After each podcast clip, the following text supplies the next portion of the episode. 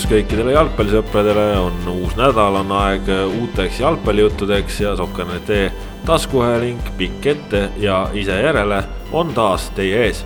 sedapuhku saatega number kakskümmend kaks ja tänase saate toovad teieni Kaspar Elisser minu isikuses ja lisaks on meil siin saates veel ka Rasmus Voolaid tervist! ja Ott Järvela. jah, tagasi pärast puhkust oli väga tore, ma loodan, et teil tööl samamoodi. Meil oli väga tore. oli jah? meil oli väga tore ja sellest äh, me täna põgusalt ka räägime, kui tore meil on olnud, sest äh, on olnud väga põnevaid jalgpallimänge.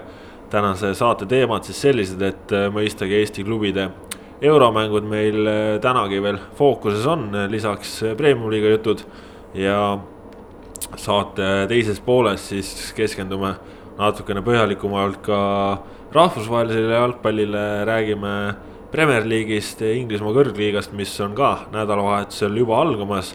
nii et äh, sellised on need tänased jutud ja teemad, aga alustame siis kohe ikkagi eelmise nädala noh, jällegi kõige võib-olla selliste emotsionaalsemate hetkedega ja noh, kõige rohkem sellist äh, emotsionaalsust minu enda jaoks põhjustas ikkagi mäng Frankfurdis, äh, kohalik Eintracht, FC Flora.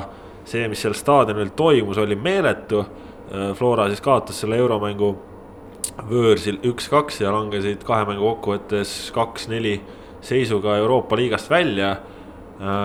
Noh, Ott ja Rasmus, teie mõlemad jälgisite seda mängu Sokkerneti vahendusel. kas see, et Flora võõrsil tegi täpselt sama tugev tulemuse, mille tegi kodus, oli teie jaoks šokeeriv, oli ta mõõdukalt üllatuslik või oskasite te seda oodata? no šokeerivaks ei ütleks, ma ütleks, et, et ta oli, aga üllatav oli küll ja ja, ja siis, kui sa ütlesid ka, et see, mis toimus staadionil, oli muljetavaldav, siis ma täiesti usun seda. ja, ja noh, see oli, muljetavaldav oli ka esimene mäng siin Tallinnas aga tegelikult äh, ja, ja, ja mööndes seda, et kõik see, mida Frankfurti fännid pakkusid nii siin kui ka seal ja, ja ka see, mida Flora toetajad suutsid tekitada siin kodumängul, äh, noh, kus, kus suudeti ka küljetribüünid panna kaasa elama, noh, moel, mida isegi Eesti koondise mängudes alati ei pruugi kohata, siis tegelikult kogu selle Flora Frankfurt duelli kõige muljetavaldavam asi ei olnud mitte publik siin või publik seal või, või vaid, vaid ikkagi Flora meeskonna esitused. Flora meeskonna esitused väljakul saja kaheksakümne minuti jooksul suudeti Bundesliga meeskonnaga, kes tõsi, okei okay,, ei ole oma parimas toonuses, sest hooaja alguseni on veel natukene minna. aga me räägime Bundesliga-st, me ei räägi siin praegu äh, Serbia või Makedoonia klubist, kellel äh, äh, noh, kelleni see tasemevahe on siiski selgelt väiksem, vaid me räägime Bundesliga-st. Euroopa tugevuselt noh, kolmandast-neljandast liigast selle esimese poole satsist sada kaheksakümmend minutit Flora mängis Eintrachtiga jalgpalli, mitte mingit kaitses seismist mitte mingil hetkel, vaid kogu aeg mängiti jalgpalli. ja, ja see on, see on nii tohutult muljetavaldav, et see oli, see oli see kõige vaimustavam asi ja see just ka see, et suudeti seda kõike ka võõrsil äh, mängus ähm,, kus üks-üks seisul kohati oli ju see, et pagan, et kas löövadki nüüd teise ka veel ära. noh, vot see on see asi, mis on uskumatu ikka jah. esimese mängu puhul Flora mängis ju, võib öelda, et ületas ennast, mängisid tõesti hea mängu ja teise mängu puhul Eintrachti mehed ju teadsid, milline see Flora on ja, ja võis eeldada, et nemad lähevad ju iga mänguga paremaks, kuna nende hooaeg käivitub vaikselt-vaikselt. Flora suutis ka selle ja, sammu edasi teha. Flora suutis ka veel nagu sammu edasi teha ja selle nii-öelda endale pandud survega kaasa tulla, kuna nüüd juba kõik ootasid neilt, et vähemalt võiks sama hästi mängida ja, ja Eintracht ka teadis, milline meeskond on ja Flora. Ja, ja Flora, Flora vastas, vastas. ja Flora siiralt mängiski edasipääsu peale tolles mängus, on ju. et, et, et ja noh, ütleme nii, et no see nüüd ilma naljata, täiesti võimatu see ei olnud tegelikult, sest üks-üks seisu peal oli küll selline tunne, et mul mängu vaadates, et noh, et no see ei ole võimatu lüüa neile veel teine ja siis hakkame edasi vaatama see, mulle meeldib veel ka see, et Flora äh, treener Jürgen Henn, Henn ütles selle kogu aeg välja ka, et meil on küll väiksed lootused, aga me mängime nende ootuste peale, me, me siiski ise veel tahame, ise nagu mõtlemegi, et kuigi see tõenäosus on viis protsenti võib-olla maksimaalselt, et nad lähevad edasi, nad ise tahtsid edasi minna veel. et jah, et noh, ma mäletan seda, ma käisin ise ju vaatamas, kui Levadia, noh ma töötasin Eesti Raadiole toona, kui Levadia mängis võõrsil Newcastle'iga. ja, ja võrreldes nüüd äh, tolles mängus oli see, et Newcastle läks ju, võitsid Tallinnas vist üks-null ja läksid seal kiiresti üks või kak- ja olid seal ka kaks tükki ära suht nobedasti ja siis lõpuks Zelinski lõi ühe tagasi, on ju. kokkuvõttes kolm-üks ka noh, tulemuse mõttes väga nagu aktseptaabel. aga seal ma mäletan küll, et kordusmängus seda sportlikku pinget ikkagi ei olnud, eriti pärast seda Newcastle'i avaväravat, seal, seal siis Levadial ei olnud enam varianti ikkagi mängida edasipääsu peale, nad said sellest aru. noh, kõik said aru, on ju et see selline võrdlusmoment tuli ka meelde, noh ja tahtmata siinkohal üldse midagi ära võtta nüüd Levadia toonaselt saavutuselt, mis on noh. vähemalt sama, noh, tegelikult ikkagi sama vägev kui see, mis Flora tegi, et see selle noh, seda, seda ei tahtnud võrrelda. aga, aga just see, et kuidas nagu selle vägeva euroseikluse lõpetuseks langeti, siis see Flora langemine oli noh. noh, nii kangelaslik kui vähegi võimalik peaaegu ütleme niimoodi. ja, ja siin on ka selline, ma arvan, mis on nagu hea indikaator selle just selle mängu enda kohta oli mõned hetked pärast seda, kui Flora oli löönud äh, Frankfurdis üks-üks, siis äh, üks Saksamaa ajakirjanik, kellega ma seal ka päevade jooksul äh, korduvalt suhtlesin, lihtsalt vaatas mulle otsa sellise tunnustava pilguga, et kuule, hästi tehtud ju. ja, aga siin on nüüd see, et vaata, et noh, kuidas Saksamaa ja Eesti jalgpalliajakirjanikud suhtuvad jalgpalli, et siin on vahe sees ja see, see vahe on sees tegelikult ka näiteks äh, selles, kus suhtuvad Saksamaa ja Horvaatia. ehk et väikeriikides väikeriikidele on omasem see, et äh, noh, jalgpalliajakirjanik on natukene varjamatult ikkagi oma tiimi poolt. Äh, nii oma kajastuses, üldises tonaalsuses, Saksamaal jalgpalliajakirjanikud ka isegi kohalikes lehtedes on ikkagi ülirangelt vaataja posi-, vaatleja positsioonil. Eestis ja ka ütleme muudes väikeriikides. Äh, me muidugi, me oleme äh, vaatleja positsioonil, aga me oleme sellisel vaatleja positsioonil, kes proovib kirjeldada seda mängu läbi ikkagi sellise noh, fänni vaatenurga, ma ütleksin niimoodi. et selles meie vaatleja positsioonis on ikkagi sees ka selged, ütleme, kaasaelamise tunnused. Saksamaal on vähem. emotsionaalsed äh, küljed. ehk et, ehk et kindlasti see, see Saksa kolleeg, kes sind vaatas, et tema vaatas niimoodi ikkagi noh ta kindlasti saab aru, kuidas vaatavad eestlased jalgpalli, Eesti jalgpalliajakirjanikud. aga, aga jah, et tema see, ütleme, pilk on natukene teisest, kuidas öelda, lähtepunktist võetud jah, aga igatahes tõesti lisaks siis mängule, et kui. siin Jauski värav oligi see, et see panigi niimoodi noogutama. ah, niimoodi võib ka lüüa või just ja, ja et kui tõesti keegi mingil põhjusel ei ole lugenud seni Sokkernetist veel siis selle kohta, et äh, mis seal staadionil enne mängu ja, ja, ja ka varem toimus, siis äh, noh, põgusalt võib-olla kuulajatele ka see ülevaade, et äh, noh, sellest on olnud väga palju juttu, et seal oli täismaja ja, ja see, et, et seal kogu, kogu see staadion täis kandis valget.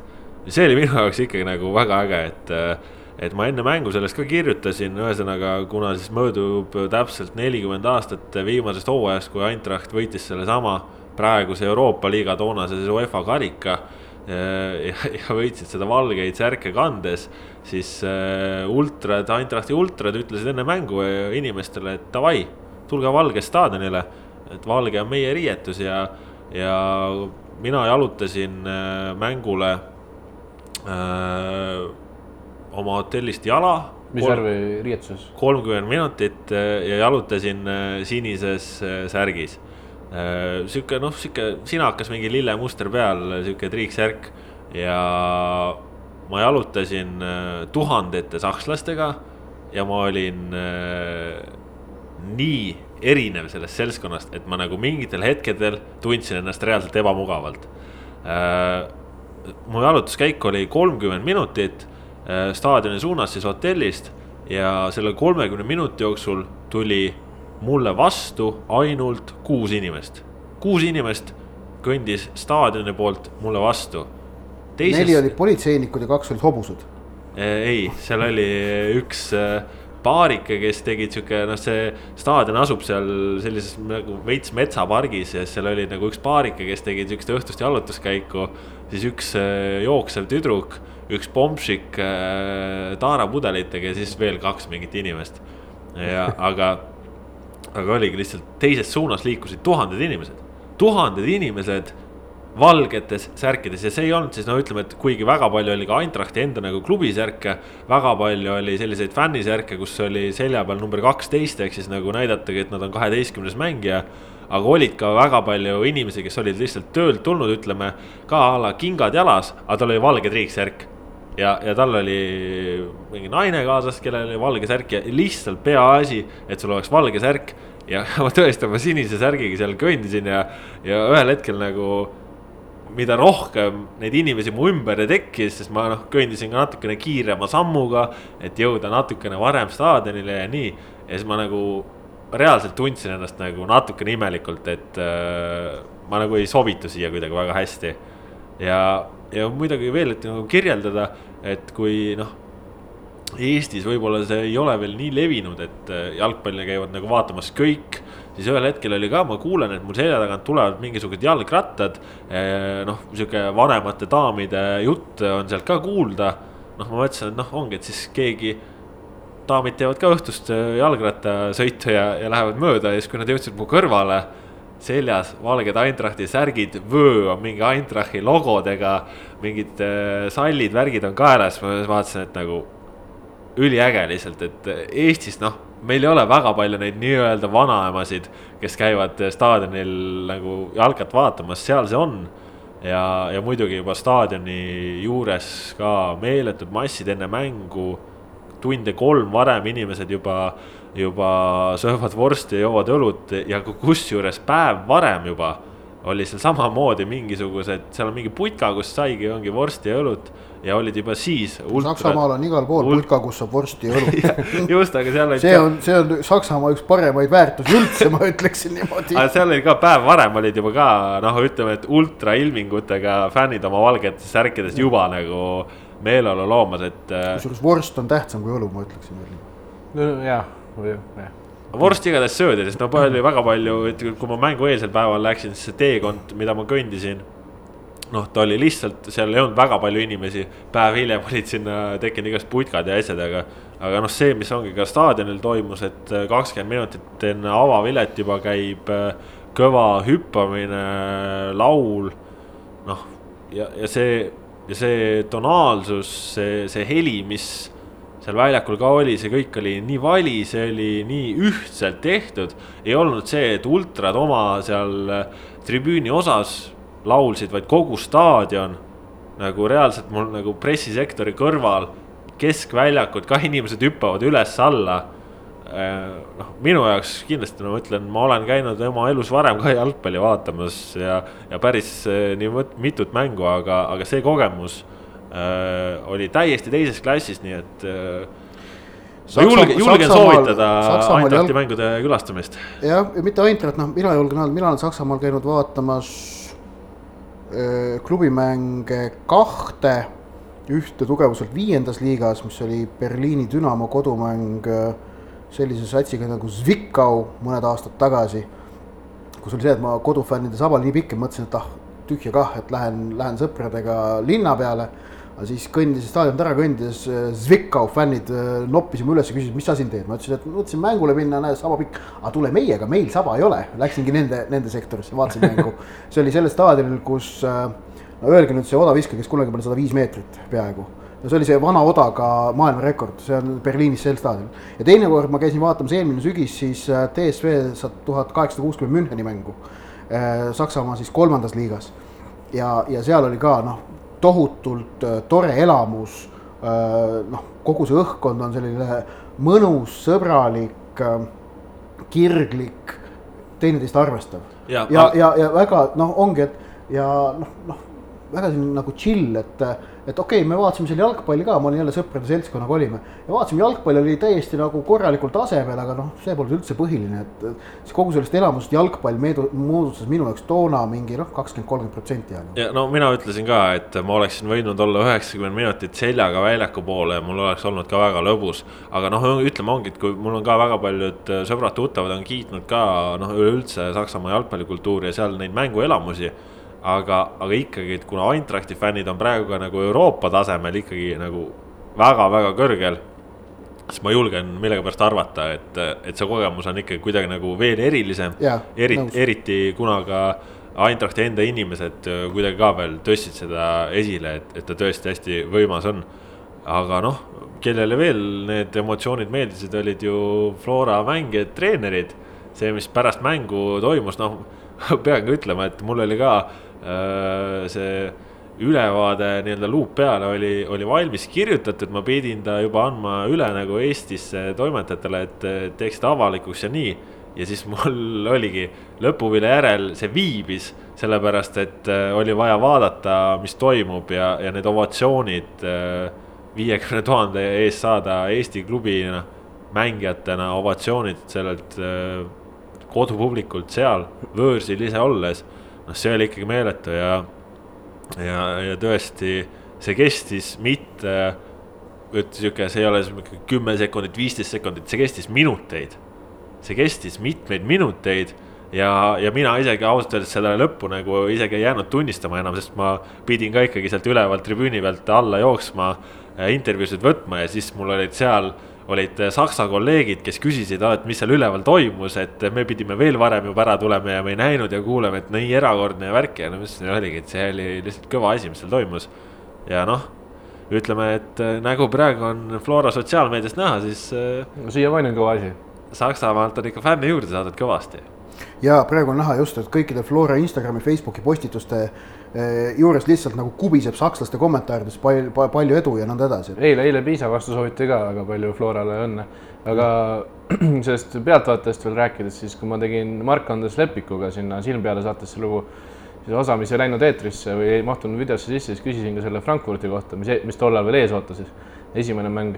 küsisin Lepiku käest, et noh, et mis sul siis kõige suurem publiku ees mäng olla, oli ja tal oli Niširadnitski kodumäng, ehk siis, siis see kontrast on päris suur, kuhu, kuhu Mark-Andres Lepik näiteks on jõudnud kahe mänguga. absoluutselt, äh, aga noh, kui sa siin seda Flora Pisa mängu ka juba puudutasid, siis võib-olla lähemegi äh, siit Flora juttude pealt äh, sellega edasi. Flora siis pühapäeva õhtul treeningmängu Itaalias seeria B satsi Pisaga mängis, mängis null-null viiki alustasid seejuures algkoosseisuga siis sellisega, mis oli võrreldes selle Eintrachti euromänguga sisuliselt täitsa teine.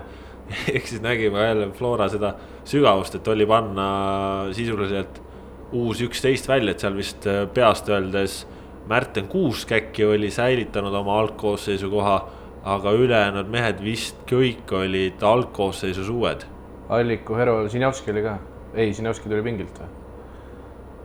Kas noh, ühesõnaga noh, ütleme siis maksimaalselt kaks mängijat, kes, kes mängisid Eindrachti vastu põhikoosseisus, et noh, mäng mänguks, aga, aga siin on ta ikkagi natukene. kas see mäng oleks pidanud üldse toimuma? natukene kirgi kütnud, et Rasmus, kuidas sina minu arvates väga-väga imelik mäng, olen kuulnud ka, et Flora mängijad, treenerid ise olid küllaltki, signaalid on tulnud sealtpoolt, et ei ole, ei tahtnud sinna reisida. no Jürgen enne seda, seda ma küsisin talt. Äh, ja mängijad ka, ja mängijad ka ei tahtnud sinna, väga ebameeldiva üllatusena vist tuli see neile ja ja mainekahju, mis see liigale tegi, minu arust on ikkagi või noh, see nagu alavääristab Premium liigat kui sellist, et et sellised mängud peaksid toimuma väga vabalt enne hooaega, kui aga kas, kas ka hooaja sees või noh, okei okay,, pauside ajal vähemalt, aga kurat, kaheksa ülejäänud meeskonna vastu, kes mängisid Premiumi liigas sel nädalavahetusel, minu arust on see ebaõiglane. Ott, kuidas sulle tundub see? mina olen nagu algusest peale näinud seda oluliselt vist äh, või märgatavalt vähem tumedates toonides seda asja kui enamik teisi. mööndes muidugi sealjuures, et noh, et see ei ole mingi asjade ideaalne stsenaarium ja, ja ideaalses maailmas asjad käiksidki teistmoodi aga seis on ka see, et äh, Eesti mängib hooaega kevad-sügis ja Euroopa tippliigad sügis-kevad, mis tähendab, et et kui me meenutame ka kunagi varasemaid kohtumisi, mis Eesti tipp, Eesti tippklubidel on õnnestunud pidada, siis no ütleme, Euroopa top viis klubide vastu, me mäletame, et Eestis Tallinnas on käinud nii Ipswich, Leicester minu meelest ja ka Derby County, see oli kahe tuhandendate kandis et siis need mängud olid ka kõik keset meie enda meistrivõistluste hooaega. ja, ja toona samamoodi nende jaoks tehti äh, kalendrites muudatusi. tõsi, muidugi me oleme edasi liikunud viisteist aastat ja noh, aeg on teine. et selles mõttes äh, premium liiga noh, toona, toonast ja praegust ei tasu võrrelda. siis noh, ütleme nii, et kust läheb see piir, et, et kui oleks olnud seeria A klubi, siis vist oleks see möla praegu palju väiksem olnud, oleme ausad. Oleme ausad, oleks küll, aga, aga samas ka et, nagu, aga need, need võrdlused, mis praegu on tekkinud, et.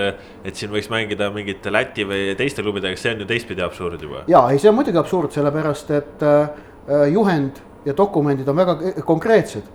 ehk et äh, selles mõttes ongi äh,, tähendab, nad on meeldivalt ebakonkreetsed, ehk et äh, saab edasi lükata siis, kui on oluline rahvusvaheline mäng ja see, mis on oluline mäng, see on meelega jäetud lahti kirjutamata ja ma väga toetan seda. ehk et iga kord, kui sellised asjad nüüd tulevikus hakkavad äh, tekkima, siis ongi alaliidul vaja äh, langetada mõistlik otsus. Äh, ehk et kui nüüd keegi arvab, et seda saab hakata rakendama pretsedendina, siis ei saa. ehk et pretsedenti ähm, noh, juriidilises mõttes pretsedenti see mäng ei loonud sellepärast, et säärased juhtumid ongi iga kord tuleb eraldi teha otsus nüüd äh, noh, ütleme taga, ilm, ma endiselt ei ütle, et see otsus tingimata vale oli ja ma möönan, see on väga vastuoluline otsus, see, seda, seda ta on kindlasti ja ma saan aru, äh, et ta paljusid pahandab. Ähm, kas ta suures plaanis oli Eesti jalgpallile pigem kasulik või kahjulik, vot seda ma seal, seal ma nüüd nii kindel ei oleks, et see, et see väga ühe, ühene on ausalt öelda. et siin äh, premium-liiga, ütleme väljaspoolt ma ei ütleks, et mingit kahju sai Äh, mõned jalgpalliinimesed sees, noh, mitte mõned, päris paljud on tõsi küll pahandanud, pahandatud, aga mine sa tea, mis sellest Pisa mängust võib pikemas plaanis mingi kasu tõusta. Rahvusvaheline suhtlus jalgpallis on kahtlemata väga tähtis, sellepärast et kõik, ütleme, jalgpall on ju valdkond, kus väga palju otsuseid tehakse noh, isikliku arvamuse, et mitte öelda persetunde põhjal, on ju. Äh, ma, ma räägin nii näiteks noh, mängijate karjääri puudutavaid otsuseid äh, treenerite ja klubi juhtide poolt. sellepärast, et lõppkokkuvõttes maksabki ainult enda ühe isiklik arvamus. Ja teatavasti isiklik arvamus on, on ju noh, ütleme, inimlik suhtlus suudab isiklikku arvamust äh, äh, mõjutada. Ja selle, seeläbi ma noh me ei tea, võib-olla see on kuidagi pikas plaanis Eesti jalgpallile on sealt sellest mängust selle, seeläbi ka mingit kasu. sellest, et mõni mängija ennast praegu sai näidata seal Piisa vastu, sellest, seda ei ole. seda ma ausalt öelda väga. üks, üks mängija sai kasu sellest, ma arvan, Rauno Sappinen sai kasu sellest, kui ta, ta sai nüüd ühe mängu siin suvel kirja. okei okay,, aga, aga no selles mõttes, et noh, et need, kes tahavad Flora mängijatest huvituvad, need vaatavad mänge Radnitški ja Eintrachti vastu ja saavad sealt äh, soti ette see Piisa mäng äh, jäetakse antud juhul sel juhul kõrvale, sest et palju parem võrdlusmaterjal on olemas ei, seda küll jah, aga noh, ütleme jah, et eks Flora jälle nagu mingisuguse turu peal oma nagu sidemeid sai kuidagi paremaks aetud võib-olla, et kasvõi ongi needsamad äh, suhted ja, ja millest sa rääkisid, et noh. no aga Eesti turu peal on see selle paremaks aetud jällegi. ja, ja teoorias, et kui, kui samasugust asja oleks küsinud ja samasuguse erandi saanud Levadia, siis meie furoor siin Eestis oleks palju väiksem. ma selles nii kindel ei ole ikkagi aga.... ikkagi oleks, oleks ja siinkohal tuleb jällegi rõhutada, et, et ka selles vallas tuleb äh, kõiki klubisid kohelda võrdselt. et äh, Flora ei pea olema paavstist paavstim, vaid nad on nagu samamoodi üks kümnest nagu kõik teised jah, seda küll, aga just siin äh, mul sellega seoses, et sa ütlesid, et kui palju jalgpallis loevad isiklikud suhted ja emotsioonid, siis parim näide on see, kuidas Nikita Baranov, kes talvel liitus Stara Zagoje Peeroega hooaja, siis eelmise hooaja seal aasta esimese poolekese oli kindel põhimees seda aastat, alustas äh, kahe halva mänguga ja, ja sai kinga. kolmest mängust esimene oli okei okay,. no esimene oli vist okei okay, jah et noh. mind huvitab, kuidas see Baranovi lepingu lõpetamine niivõrd ühepoolselt ikkagi võimalik on, et noh, ta. kusjuures eh, nii no, palju kui. juriidiliselt see ei ole võimalik. signaale, siis juriidiliselt vist ka ei ole võimalik jah, et. äkki ta sai mingi korraliku krotsi sealt endale no,. ei no kompensatsiooni eest muidugi on võimalik. et see saaga pole veel võib-olla päris läbi ja, ka, et eks, eks näis, mis, mis tast siit edasi saab, aga noh, ütleme, et. et tõenäoliselt lepingus ei olnud sellist varianti jah, et kahe halva mängu järel võib ta nagu sealt. selliseid, selliseid variante ei ole noh, peaaegu kuskil lepingutes, selliseid lepinguid ei luba ju jalgpalliseadused sõlmida isegi. just, aga noh, see teema selleks, siis äh, igatahes see mäng on ära peetud ja, ja Flora mäng tulevikuga siis kaugele tulevikku lükata. mainiks veel selle ka ära, et räägiti enne mängu täismaja publikut, Jürgen Sokkerjantis on nüüd galerii üleval ja Flora enda ehk siis seitseteist koma seitseteist ja pool tuhat oleks pidanud see olema. aga seal oli ka. see oli klausliga jah. Pelle Poolek äh, oli seda väga hea klausli mulle ütles tõesti, ma ise, ise temaga rääkisin, ta ütles vähemalt nii on meile öeldud, eks tõde selgub koha peal ja, ja, ja noh, seda tõdet sai näha ka, et. no poolteist tuhat oli siis Flora enda hinnang Facebookis, kus nad seda mängu siis nii-öelda laivis kajastasid. ehk siis kuusteist tuhat oli kaduma läinud. just äh,, vot nii. rohkem kui Nõmme Kaljul nii palju siis. aga äh,, aga vist ongi aeg minna Kalju juurde, sellepärast et meil on euromäng veel. jah, euromäng on veel, äh, Nõmme Kalju Glasgow Celtic eelmise nädala siis äh, kodutandril. Äh, seal läks kaduma üksteist tuhat pidi olema täismaja ja püüaks ilmselt välja. otsatribüüni peal läks tuhat. aga oli, oli neli tuhat, mis on tegelikult väga okei tulemus, ei ole noh, no ausalt. see on selles suhtes halb tulemus, kui lubati viis tuhat enne mängu. Nojah, noh, me teame, et tegelikult oli seis see, et noh, et alustades sellest piletijamast, kuigi mulle või noh, pileti kogu värgist, kuigi noh, ma eelistasin rääkida mängust, aga ma ise olen süüdi praegu, ma räägin ära.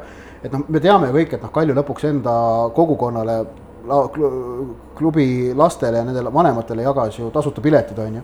kõik inimesed ei kasutanud ära, sellepärast noh, ütleme see viis tuhat ka ei täitunud, aga suures plaanis kõike arvestades neli tuhat inimest oli tollel õhtul, tol teisipäeval, ma ütleksin äkki isegi, ma üllatus mitte, aga täiesti korralik tulemus pealtvaatajate osas. väga okei okay, jah.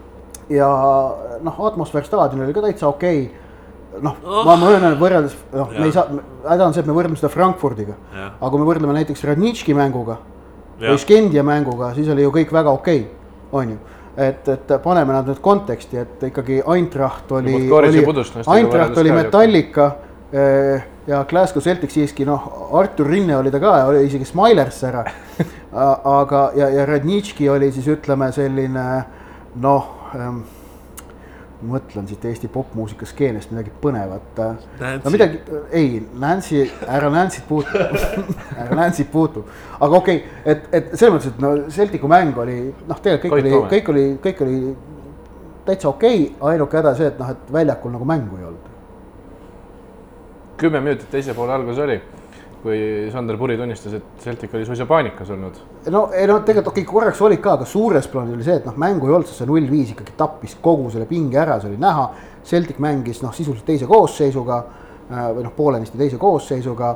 Kalju noh, ütleme nii, et ei mänginud nina-verist, nina-vere, veri nina, mitte nina-verest välja, vaid veri ninast välja suhtumisega mis oli suures plaanis samuti arusaadav, sest et noh, tolles mängus ei olnud midagi võita, ei olnud midagi tõestada. et see veri peab ninast välja lendama nüüd neljapäeval Luksemburgis ja järgmine nädal Tallinnas. et noh, häda, häda oli selles, et seda, seda sportlikku pinget ei olnud ja noh, selle põhjus oli, on ju, esimese mängu krahh, nii sportlik kui ka taktikaline. ja tõesti noh, selle mänguga oli jah, siin ka nagu esimese poole järel oli selliseid staadionil emotsioone kuulda, et nagu noh no ei toimu tõesti väga nagu midagi, et, et vaadatigi mäng ära, et, et kuna on juba kohale tuldud, aga, aga noh, jah noh, samas Roman Koržuhovski ütles, et kõik pingutasid korralikult ja tema oli panusega rahul, noh muidugi kahju on, et. väravat oleks tahtnud. jah, nagu seda tulemust ei tulnud, aga noh, nüüd Dudelange'i vastu on siis väga hea võimalus neid tulemusi teha esimene mäng võõrsil taas järjekordselt Kalju jaoks. noh, ilmselt jällegi mitte kõige ideaalsem algus, kuidas teile see tundub, et võõrsil alustada? teoorias võiks ju tegelikult see anda Kaljule eelise, kuna nad saavad nii-öelda, kui otsustamiseks läheb, siis on nagu kodumäng, aga millegipärast tundub, et Kaljule see ei sobi. või noh, kuidagi on selline mulje jäänud. mina arvan, et seda ei, seal pole olulist ausalt öelda tähtsust, kas alustada kodus või võõrsil, et seal ikkagi loeb see, kuidas kuidas võistkond tuleks mänguks ette valmistada, milline on mängijate tervislik olukord ja, ja kuidas. see on päris oluline küsimus. kuidas, kuidas õnnestub, on ju noh, taktikaline, taktikaline plaan. et, et see, kas esimene mäng kodus võõrsil on seal Kalju, ütleme, üks väiksemaid muresid enne seda, enne seda mängu. no Liil ju läks katki, tõenäoliselt ei mängi, eks. Reginald nüüd oli vähemalt pingil tagasi, tema salapärane vigastus sai vist seljatatud. tal oli toidumürgitus olnud seda ei- millegipärast ei tahetud rääkida. see on, see ei on üks, üks, üks asi, ma mis, kuulsin, mina kuulsin, et oli toidumürgitused, sellepärast Celtici vastu ei mänginud teises mängus. see on ka üks asi, mis on nagu huvitav, et äh, see on Kosohovski taktika, et ta ei räägi tegelikult mängijate tervisest eriti. Jaa, aga see on nagu natukene veider, kui sa oled Eesti meister, sa oled tippklubis ja üritad rahvale meeldida ja siis sa nagu isegi pärast mängu. enne mängu see oli väga arusaadav. et okei okay,, et sa oled noh, Ott, sa oled rääkinud, et miks Jaa. enne mängu ei pea rääkima, onju, aga pärast mängu äkki öelda sa taha, et nojah, no ütleme noh, noh, pärast mängu sa võiksid ikka, kui küsitakse, et kus mees on, et siis noh. ma endiselt soovitan üles otsida Alex Fergusoni pressikonverentside transkriptsioonid ja lugeda sealt, millist hägu ta ajas seal mängijate vigastuste kohta suvalisel ajahetkel. ei noh, eks sa Et noh,, sa et- võidki ju ajada ja sa võidki öelda, et, et kes on kus ja ütleme, et ta on võib-olla hästi lähedal naasmisel või vastupidi, et ta on ülikaugel ja siis teed mingisuguse üllatuse kuskil koosseisu.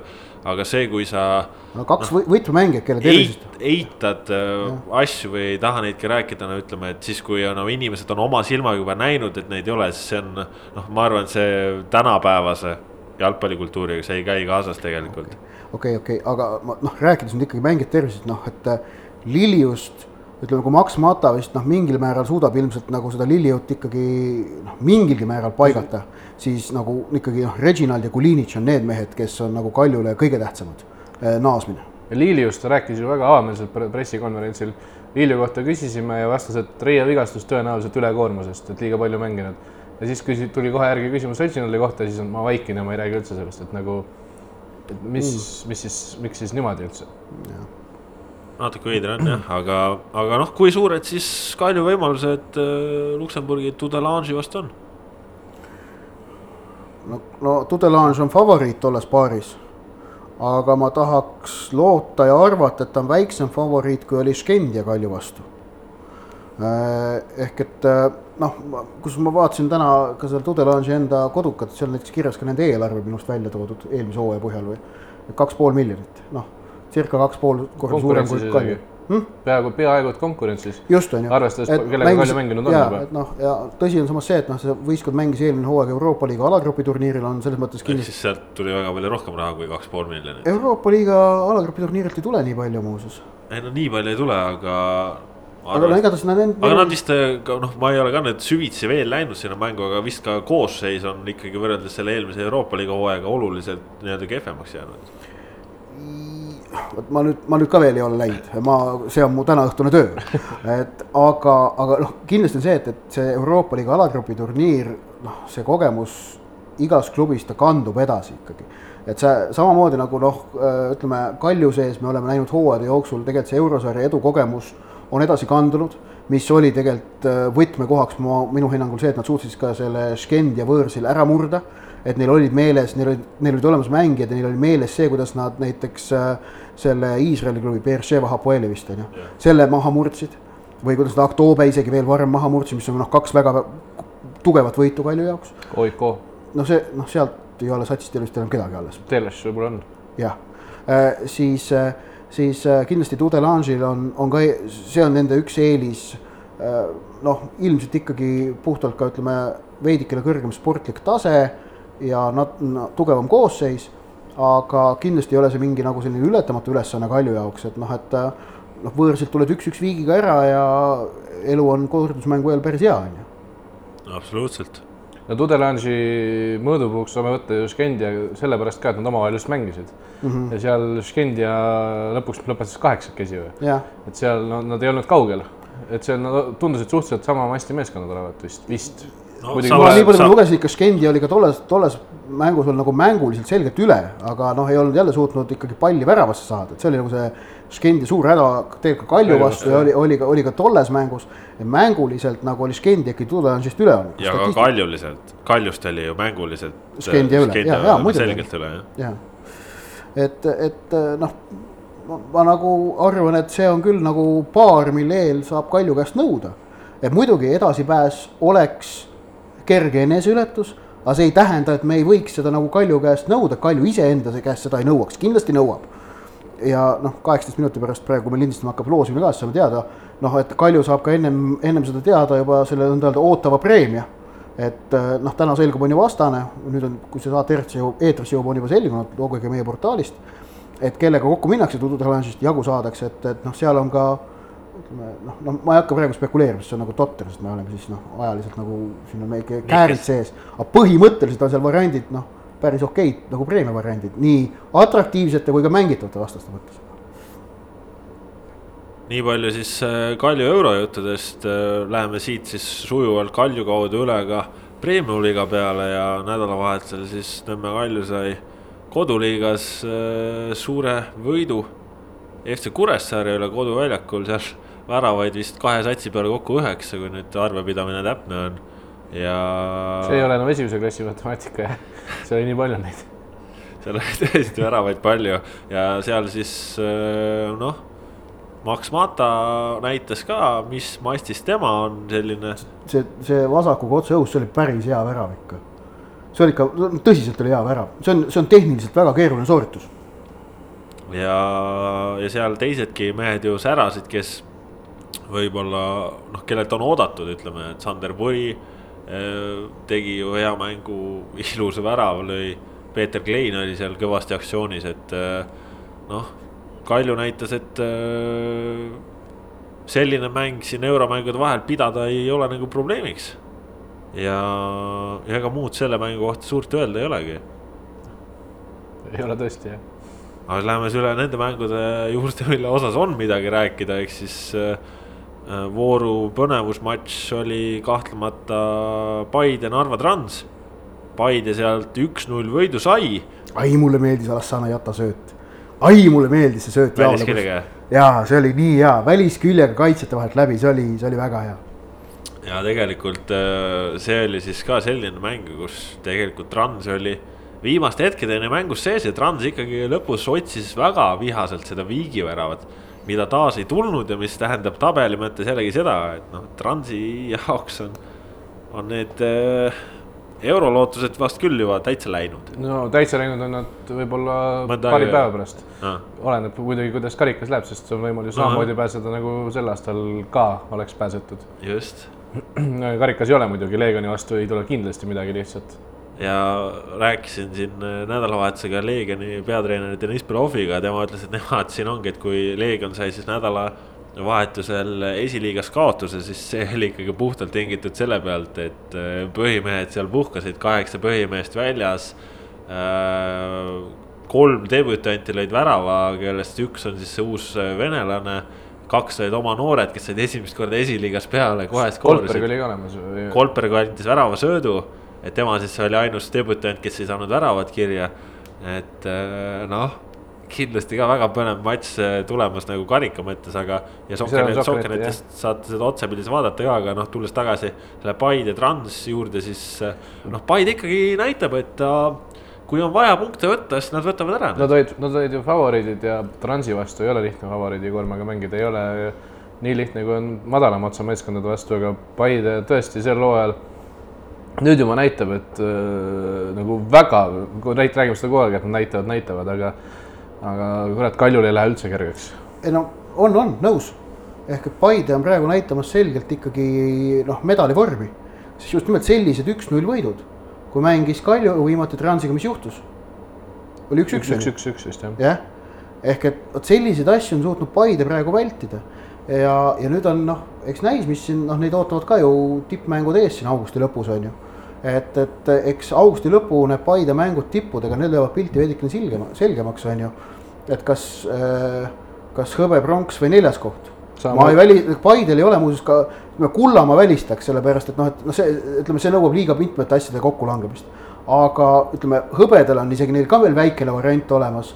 pronks on neile kindlasti jõukohane ja Kaljul on tükk tegemist, et esikolmikusse mahtuda Äh, ja see omakorda, kui peaks juhtuma nii, et Kalju ei lõpeta esikolmikus, see paneb neile tohutu surve karikavõistluste raames sellepärast. selles mõttes noh, sõltub nüüd, kui hästi see aasta mängitakse, et kui siit üks vastane veel näiteks Tudelange Euroopas alistatakse, siis on nad juba oma ootusi ületanud ja siis ma arvan, ka see surve järgmiseks aastaks väheneb natukene ikkagi sihuke. ma arvan, et see kevad, kevadel samamoodi tõuseb jälle, kui no, uus hooaeg paist-, uus eurohooaeg paistma hakkab. kui nagu, kui nagu jah, et. me ise, ise, me ise saame garanteerida, et see ei tule lihtne neile. et, et jõuad, jõuad, ma ei tea, Euroopa liigas play-off'i järgmine hooaeg Euroopa, eurosarja ei mängi Eesti klubile.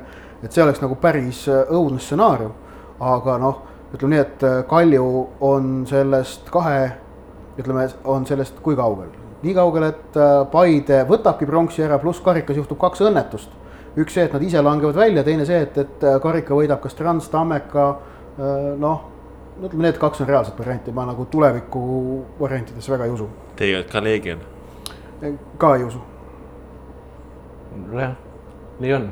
oota, aga. Trans ja Tammeka on kindlasti satsid, kes on, ütleme eeldades, et noh, kes on nii, ütleme, kes on võimelised Eesti karikat võitma. ja kusjuures Trans ja Tammek on ju kaks satsi, kellel võib-olla Premiumi liiga klubidest loosijaks kõige kehvemini seda.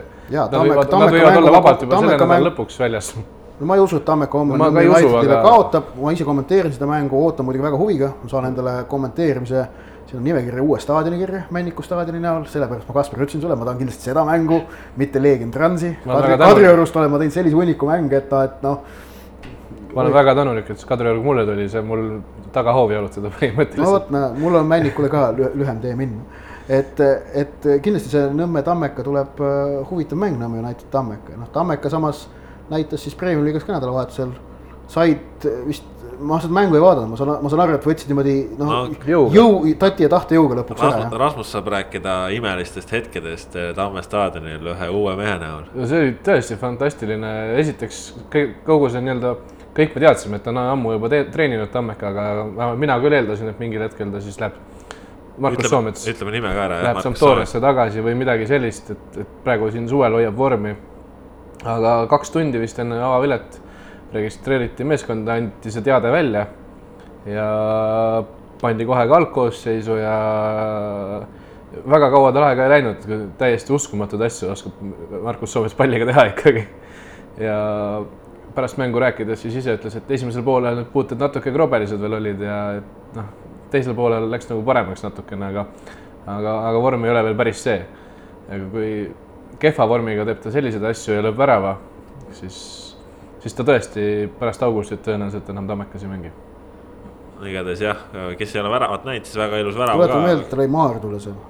jah, ei, värav oli kõige nii-öelda, nii-öelda kõige. et see oli Maardu, et yeah. no ootame nüüd Tammeka mõned tõsisemad mängud ära, siis saab nagu. aga, aga vaata Maardus, Maardus on ikkagi toimunud ka siin eh, suvise üleminekuakna jooksul ikka päris palju, legionäre on seal toodud mm -hmm. ühelt kui teiselt poolt. Nad on ikkagi Maardu, nad on viimased ja ilmselt kukuvad välja. no vaatame see, seda. kukkumises ma enam nii kindel ei ole, aga viimased on küll ja see tõesti nagu Soometsa puhul kehtib küll see, et see oli Maardu, et vaatame edasi, nüüd reedel on Flora. et siis siis on see nagu reaalne mõõdupuu.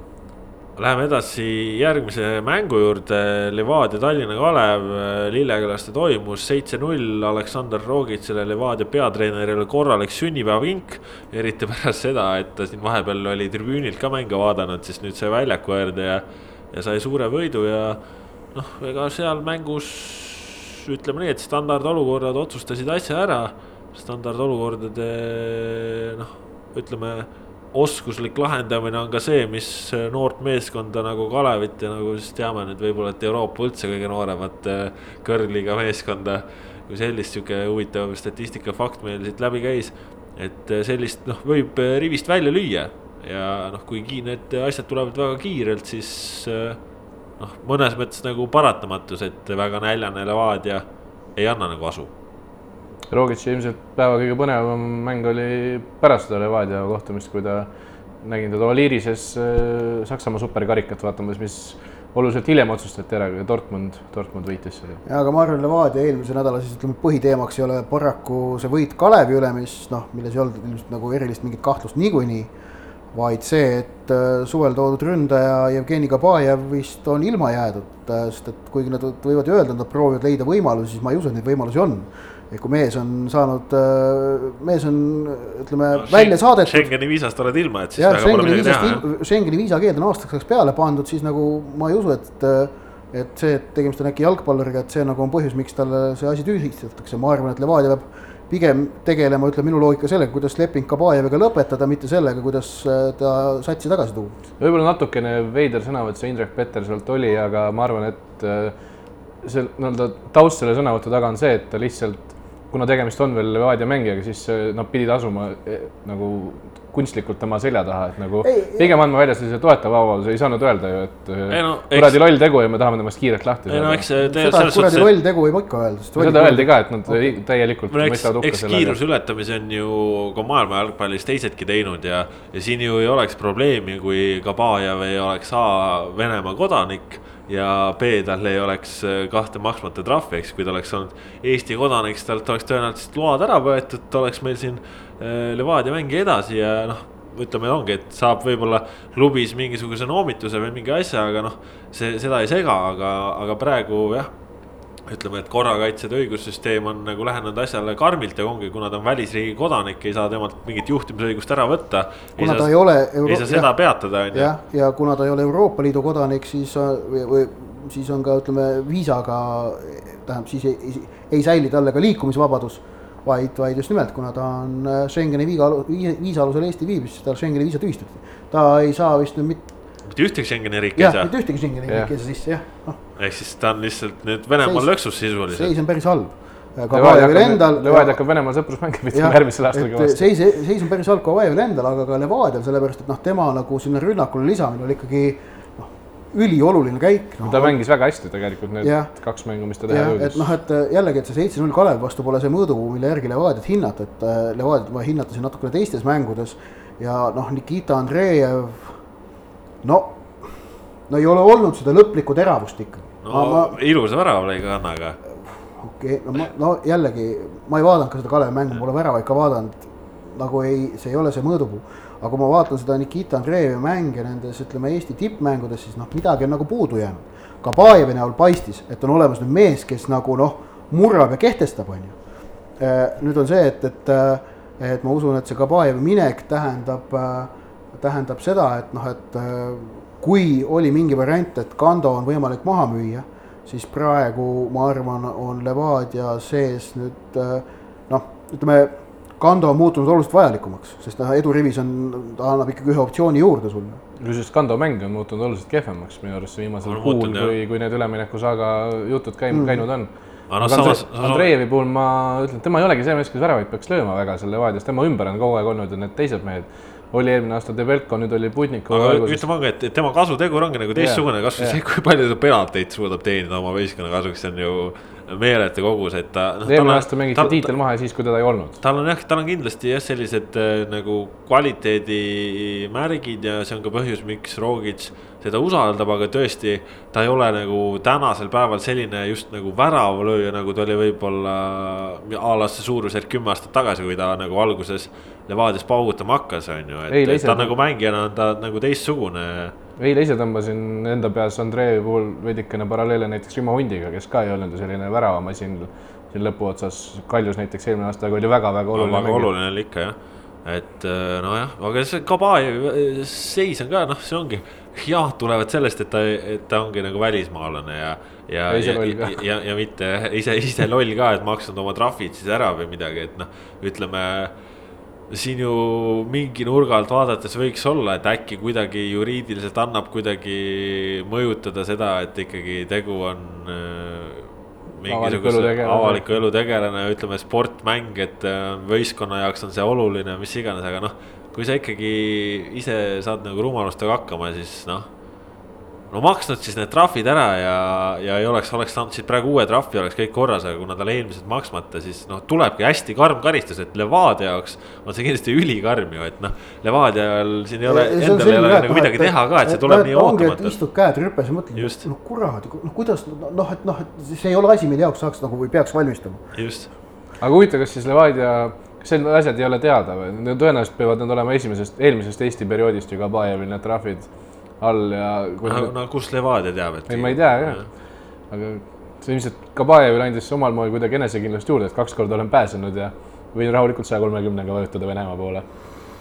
aga ei no. või vist nüüd on tal isiklikult on tal ikka nagu väga suur jama, et ta sai just siin lepingu, tal oli korralik töökoht, tal oli korralik väljakutse. mitte pooleks aastaks, mitte hooaja lõpuni leping, järgmise, järgmise aasta, aasta lõpuni. järgmise aastani leping on ju ja, ja nüüd oledki Venemaale tagasi töötu ja noh, sa ei saa Euroopasse. et see on päris karm, aga noh, mis siin, mis siin ikka, et äh, Levadia on nüüd jah raskes seisus, noh ütleme, et õnneks toodi Erik Moreno on ju enne, vaatame, kas ta lööb nüüd särama või mitte. ja, ja üks huvitav asi veel sellest Levadia Kalevi mängust äh,. Jevgeni Ossipovi värava tähistus, kummaline äh, kes ei ole näinud, siis näitas keskmist sõrme. kummaline on tri tribüüni suunas, kus vist istusid äh, Mark-Oliver Roosnup ja Rasmus Peetson. no tegemist on mängijaga, kes ei oska käituda, oleme ausad. Meenutame seda, kuidas ta sai punase kaardi mängus Floraga, oli see vist? jah, jah. Floraga, kuida-, mis, mis järgnes sellele? ma isiklikult mäletan seda, kuidas ta sai punase kaardi karikamängus Kaljuga, kui ta jäi siis väljaku kõrvale seisma, kuidas ta sõimas ropult, rõvedalt ja ropult äh, abikohtunikku äh,. ma olen siiamaani väga pahane, et selle eest Jalgpalliliit ei määranud karistust ei Levadiale ega Ossipovile äh,. ja, ja nüüd see asi, tegemist on mängija, kes ei suuda väljakul käituda äh, see, kas ta nüüd selle konkreetse eest, noh, saab ta ilmselt hoiatuse, ütleme varasema praktika põhjal Jalgpalliliidu käest, et mingit mängukeeldu ei tule. aga äh, noh, ma, ma, ma, see, see nüüd, näe, Voola ju telefon helises. see on lihtsalt nüüd äh, koht, kus nagu Levadia peaks ka nüüd äh, ikkagi hakkama selle mängijaga tegelema. kaua nad lubavad sellel tegelasel nagu väljakul või spordiareenidel noh, laamendada klubi head nime rikkuda, et äh, see no ja kõige peamisena ju tippsportlane on ikkagi eeskuju, Levadial on äh, sadu noormängijaid. jah, jah. et noh, nii lihtsalt ei ole ilus, et okei okay,, et sul on, võib-olla see oli mingi nii-öelda siseringi nali seal sul oma mängijatega, kes võib-olla on su üle mingit äh, ise ka nalja heitnud ja siis sa kuidagi lõbusalt üritasid vastata, aga noh. Tänasel päeval meil on äh, premium-liiga mängudes kõik on ülekanded äh,, noh, Soccernetil on fotograafid äh, valdaval osal mängudel kohal on ajakirjanikud no,. ei no vahet ei ole, kas see, kas sa jääd vahele või mitte, sellist asja ei tohi endale lubada väljakul. et noh, Ossipov ei suuda väljakul käituda, me oleme selle kohta nüüd no juba selle hooaja jooksul näinud niivõrd palju tõestusmaterjali, et see on piinlik. Aga noh, see üks intsident nüüd, mis järele tuli, et noh, et, noh, ei võistluskeeldusid pole vaja, ei ole isegi mõistlik, noh ilmselt saab ta hoiatuse, ütleme eelmise hooaja Mait Toomi näite põhjal aga, aga ikkagi, et noh, et see on korduv kammaijaa praegu juba, kaua see jätkub? no liiga pikalt räägime juba temast. läheme üle siit äh, ja edasi ja läheme edasi Eesti jalgpalli juurest rahvusvahelise jalgpalli juurde. Inglismaa kõrgliiga Premier League saab juba sel nädalavahetusel, mis nüüd ees ootab, oma alguse ehk siis üsna vara augusti noh, isegi esimeses pooles see kõrgliiga pihta hakkab ja noh, eks siin Jürgen Klopp on ka näiteks juba oma arvamust selle osas avaldanud, et, et miks nemad nii vara peavad alustama, kui teised tippliigad alustavad hiljem ja.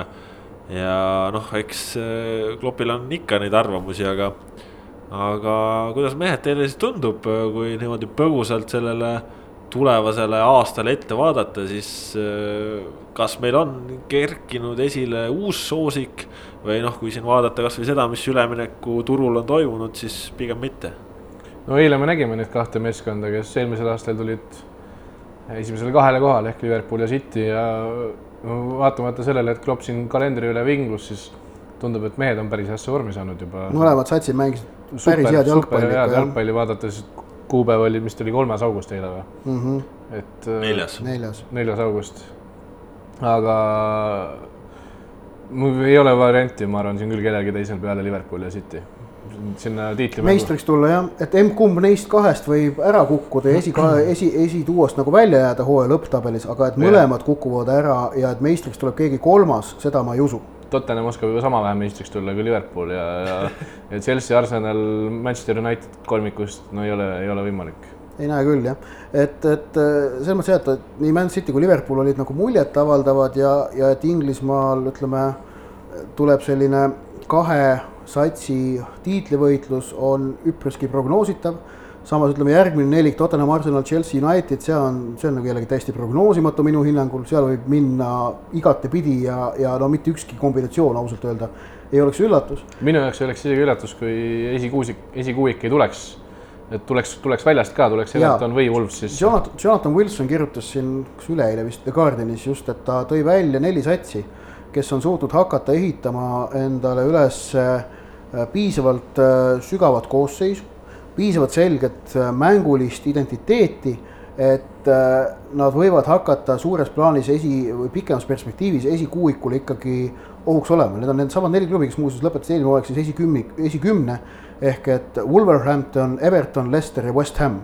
Ja neil kõigil on ka ütleme piisavalt ikkagi noh, tootlik kommertsmudel, et nad, nende sissetulekud, kuigi noh, Premier League'is on kõikide sissetulekud suured, siis noh, ütleme nende see sissetulekute voog on, on siiski noh, ütleme selgelt ja piisavalt äh, eristuv, noh, ma ei tea, mingisugust Bournemouthist või Brightonist on ju äh, ja, ja noh, ütleme seal on veel näha ka seda, et noh, et äh, noh, Lesteril Le, Lesteril on väga hea staadion, pluss see ikkagi endiselt see noh, meistriks tuleku hooaja maagia on veel sellel klubil küljes veel pikalt aega. Everton hakkab ehitama uut staadionit äh,, väga vinget staadionit, kes otsige netist äh, pildid, noh üli, üliäge. Ja, ja no West Hamil on ka Londonis asumine, nad tahavad saada Londoni klubiks number neli äh,. mis ja Londonis neljale tippklubile on ruumi küll, see, see linn on kaheksa miljonit äh,. Istanbulis on samamoodi tippklubisid väga palju ja, ja noh, on kõigile ruumi Londonis selle ruumi leidmine on kindlasti võimalik ja Wolverhampton on neist vast kõige selline öelda imelikum, aga neil vist on mingi väga rikas omanik praegu, et neil on selles mõttes päris. Neil on ka väga korralikud täiendused praegu siin ja. Äh, suvel olnud, et. Et, et ongi, et noh, et Wilsoni järeldus see, et pigem keegi neist neljast esikuuikusse ei murra, aga see vahe ütleme, nende esikuuiku ja tema jälitajate vahel näitab kahanemise märke aga. mis on hea kas ja kui jätkusuutlik äh, võib see Liverpooli mudel olla, kui vaatame kasvõi suvel, et noh, sats on äh, säilitanud äh, suhteliselt sama näo, aga, aga pole ka nagu erilist nii-öelda käiku juurde toodud, et kui eelmine aasta jäi midagi puudu, et siis.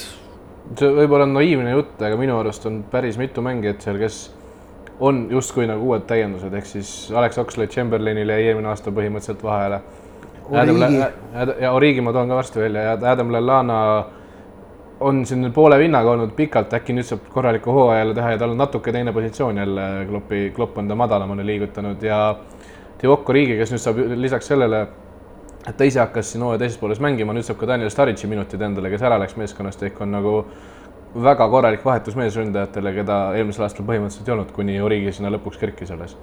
ehk siis äh, kõige suuremad murekohad on äärekaitses, kus on endiselt Andy Robertsoni vasakkaitses asendus peaks olema James Milner ja paremkaitses on Trent Alexander-Arnoldi asendus keskkaitse Joe Gomez. ehk äh, ja nüüd on muidugi Simon Mignolet läks täna öösel viis tundi pärast seda, kui sai Wembley'l medali kaela, oli juba Belgias uue klubi juures ja et nüüd on vaja Aru väravat osta, siin neli päeva on aega, aken on lahti veel jah, ja noh, ega City ka tegelikult nagu liigselt tõmmelnud ei ole, et siin ütleme, et Atleticust Rodri toodi, mis on selline suurem käik sinna keskväljale, aga, aga ega ka noh. City jaoks samas noh, mängijad on ise nagu natukene öelnud, et nende prioriteet on vist ikkagi nagu Premier League, kuigi. Kuigi võiks ju arvata, et kui nüüd Premier League on ikkagi saanud no, nautida. Guardiola andis intervjuu ja ütles, et äh, kus ta ütleski, et ta ei kavatse ohverdada Premier League'i võimalust võita kolm aastat järjest Premier League äh, Champions League'i nimel, mis sõltub seitsmest mängust. ehk et noh, Guardiola vähemalt retoorikas rõhutas, et Premier League on number üks ja, aga samas ütleme. Vist küll ei oska mängida Champions League'i no.. see on selline jutt täpselt, mis õigustab seda, miks nad ei ole seda seni võitnud, sama, mis nagu Rahim no, Sterling okay. ütles. jah, aga, aga aga mulle väga meeldib, kui klubi väärtustab Premier League'i rohkem Champions League'is, see on minu meelest mõistlik suhtumine. ja ma arvan, et tegelikult teeb ka kuigi samas on selge see, et City omanike jaoks on tähtsam, on ju Champions League. Aga noh, Guardiolal on samas ütleme võimalus öelda, mis ta suhteliselt ise tahab, sellepärast et noh, temaga keegi ei vaidle. aga no ikkagi Premier League'i hooaja noh, defineeriv küsimus on see, et kas Liverpool võidab. sest et kui nad nüüd sel hooajal ei võida siis järgmisel hooajal on see juba oluliselt keerulisem. sellepärast, et ma olen väga kindel, et nii Chelsea, United, võib-olla ka Arsenal on järgmiseks hooajaks palju paremini valmis, kui nad on algavaks hooajaks. noh, ütleme, see jalgpallis asi, asi, asi liigub niimoodi, et see iga võistkond on mingi aja selles oma nõnda-öelda tippfaasis ja need võimaluste aknad noh, ei ole kogu aeg samasugused, vaid nad ahenevad, kitsenevad Liverpooli jaoks on ta praegu niivõrd lai kui ma, kui, kui, kui üldse nagu võimalik on, ma arvan. ja ta kindlasti järgmisel hooajal on ta juba kitsam. paratamatult on ka City jaoks täpselt sama lai vähemalt, kahjuks, Liverpooli kahjuks City on suutnud ehitada üles ja City ütleme, majanduspõhimõte on see, et, et äh, ma ei näe, et nad kolme-nelja aasta perspektiivis nende võimalus meistriks tulla oluliselt väheneks. ehk et kui ma ütlen niimoodi, et praeguse hooajal ma ütleksin noh, laias laastus protsendid äh,. City viiskümmend, Liverpool nelikümmend, ükskõik kes muu kümme, noh see, ma ei ole praegu läbi enda peas mõelnud, ma panin suvaliselt äh,. et see ei ole tegelikult minu tingimata arvamus, siis kui ma ütlen seda, et järgmine hooaeg on Liverpooli võimalused väiksemad, siis tollel, to, siis ma ütleksin umbes niimoodi. City viiskümmend, Liverpool kakskümmend viis, kõik muud kakskümmend viis. ma arvan, et see on see seis, mis nagu Liverpooli äh,, City see võimalus algava ja järgmise hooaja lõikes oluliselt ei muutu, Liverpooli oma aheneb, arvan mina. noh, jah, ütleme siin veel vaadates natukene ka teiste satside otsa, siis äh, no Tottenham kes on ka siin viimastel aastatel üha lähemale tipule jõudnud, nemad siis nüüd on lõpuks ka üleminekuid teinud ja. ja noh, ütleme, et Lyonist keskel on Dombele on kindlasti väga tugev täiendus ja. ja ütleme, Spurs ka ikkagi kindlasti väga auahne saab olema, samas noh. tundub ka, et ikkagi nendel natukene jääb puudu võrreldes teiste konkurentidega, noh, siin võtame suuri veel.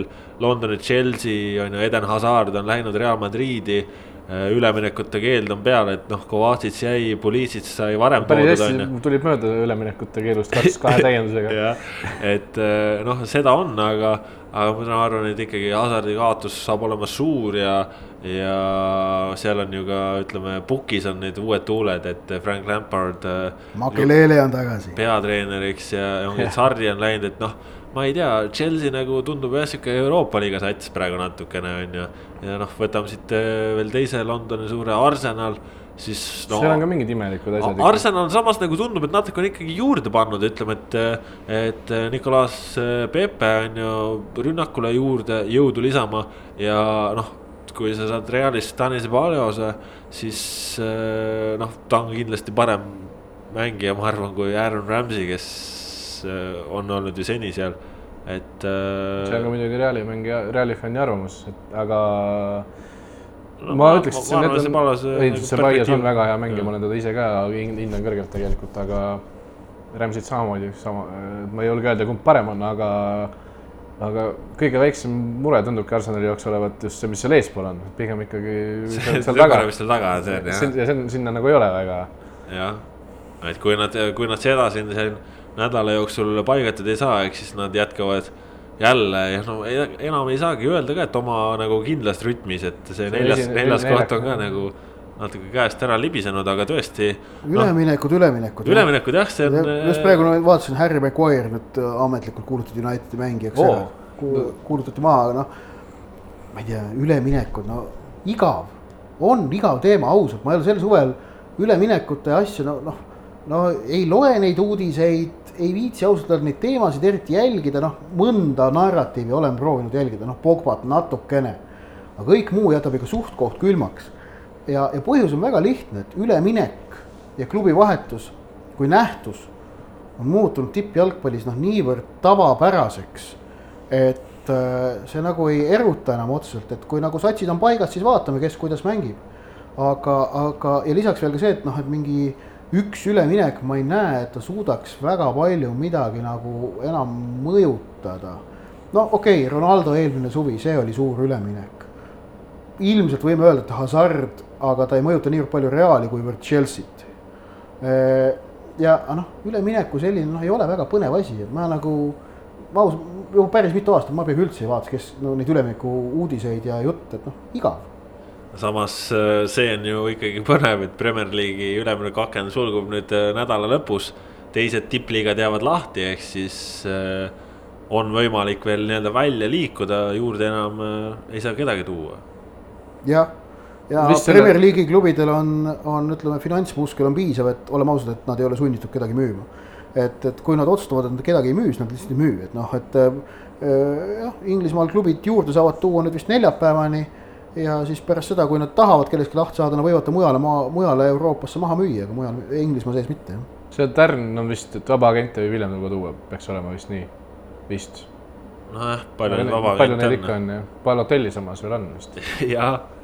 Starich võib tagasi tuua Liverpooli. aga United ka põgusalt siin, Ott, sa ise mainisid, see Paul Pogba teemat oled jälginud. Noh, sinu hinnaga need Pogba jääb ja United tuleb kui kõrgele? ma ei ole ausalt nii spetsialist, et ma julgeks selle Pogba, Pogba kohta mingit sõnu võtta, seisukohta võtta, et seda nagu siseinfot noh, mis antud küsimuse seisukoha valdamiseks vajalik, ilmselt maailmas valdavad noh, ma arvan, mingi kolm-neli ajakirjanikku, kui, kui nemadki. Äh, Unitedi osas on, on ju küsimus see, kas esineljikusse või mitte. ma arvan suht viiskümmend, viiskümmend. Suht viiskümmend, viiskümmend, et noh, et eks see Solskjaeri jaoks on nüüd tõestamishooaeg, et kas ja mida ta suudab. ma ütleks kolmkümmend kolm protsenti, kuivõrd äh, esikolmik on minu jaoks selge ja nüüd ongi kolme järgmise klubi vahel on, kes sinna neljandaks tuleb, ehk siis. kolmas on sinu jaoks Tottenham? jah, et, et ma annaks kõigile põhimõtteliselt kolmkümmend kolm protsenti, nii Arsenal, Chelsea kui Manu. aga mõnele üllatajale? no võib, võib siis teha, et nemad, nemad kolm jagavad üheksakümmend protsenti ja mõni üllataja on siis kümme protsenti, jah. vot sellised siis äh, Inglismaa kõrgliiga jutud, aga kuna me siin üleminekutest põgusalt rääkisime, siis äh, on meil ka üks äh, kuulaja küsimus, mis on just üleminekutega seotud, hea kuulaja Karl uuris siis siin äh, noh, siin selle valguses, et Kristjan Jaak Kangur kirjutas ka natukene oma arvamusest sellest Flora Pisa mängust ja, ja tõi sinna ka selle Sander Lahe võrdluse, ehk siis Sander Laht, Kuressaare mängija ju siis ka. äh, hooaja hakul äh, mängis Flora eest ja, ja küsimus sellega seoses noh, lihtne tulenevalt ka võrkpallist ja korvpallist, et äh, kas pooldaksime, et jalgpallis kuuluks selline asi nagu kuuks ajaks laenamine normaalsusesse? selline asi on FIFA reeglitega keelatud. ei noh, keelatud võib-olla, aga. ei, ei pooldaks, pole vaja, mõttetu. Ei, ei, ei taha sellist asja jah ma, ma ei tea, kas isegi korvpallis, võrkpallis pole nüüd sellised pullid ära lõpetatud või ei ole või? no peaks küll olema. nüüdseks on, aga ütleme, et mingi aeg tagasi. okei okay., ei, ei sellist asja pole vaja. aga noh, samas korvpallis on ju see ka, et no ikkagi seal nagu üleminekuaken kui selline on nagu suhteline mõiste, et seal. seda ei ole, üleminekud on lahti veebruari lõpuni, noh. jah, registreerimistähtaeg peaks, tähtaeg on tavaliselt vähemalt veebruari viimane päev vist jah. jah, mis on nagu ka absurd ka muidugi, sest ei soosi üleüldse võistkonna ehitamist ja arendamist, vaid soosib lihtsalt võistkonna komplekteerimist. ja see on äh, mängijate arendamiseks ja ka võistkonna mängu arendamiseks noh halb variant. see on see ka, miks Kalev Cramo on igivana probleem, on see, kuidas mängijad alustavad hooaeg hästi, aga siis lähevad minema väga varakult. ei no ja siin on ka teised Eesti korvpalliklubid, kes nagu mõned täiesti teadlikult enam-vähem on ju teinud ka seda, et hooaja esimene pool hoitakse kokku ja mängijaid ei võeta, siis talvel tuuakse paar välismaalast, et siis nagu saaks play-off'is noh, paar võitu kätte, mis on ka absurd. tähtsatest uudistest rääkides, siis Kalju läheb Euroopa liiga play-off'is edu korral, kui nad tudelansused võidavad kokku kas äh, Gruusia või Armeenia meistriga, ehk et teoorias võib Ilja Antolov äh, Lillekülla mängima tulla. see oleks põnev, aga Rasmus. Äh, ei, jah, see noorteklassides on see tavapärane praktika siiamaani, ma olen tõesti sada protsenti veendunud selles, kuigi ise enam noor ei ole väga. noh, selles suhtes, et mingi rahvusvahelistel turniiridel yeah. tuleb seda ikka ette jah, et, et tuleb teise klubi mängija yeah., tuleb, aitab, on ju, aga. aga seal las olla, aga et mingid noored saaks paremaid mänge, aga ei, ei pooldaks. no vot, küsimus vastatud. Äh, kui teil on veel küsimusi, siis nagu ikka, pange need äh, meile teele. püüame jälgida kõiki kanaleid, kuhu need küsimused äh, tulla võivad, siis püüame neile ka vastata. aga tõmbame selleks korraks otsad kokku, kahekümne teine saade, pikk ette ja ise järele selleks korraks purgis. saate tõid siis täna teieni Kaspar Elisser, Rasmus Voolaid ja Ott Järvela saame siis näha, mida toob see nädal meil eurorindel, Kalju Tudelange mäng ees ootamas. naiste meistrite liiga mängud Lillekülas. ja Sohkernetis otsepildis ka Just. ja, ja karikamängud on meil siin ka esimesed ringid algamas ja teisipäeval Sohkernetis otseülekanded siis nii äh, TJK Leegion Narva Trans kui ka Nõmme United Tartu Tammeka ja tuleb ka premium-liiga, ega sellestki pääsu ei saa, nii et äh, püsige Sohkerneti lainel aitäh, et olite meiega ja kuulmiseni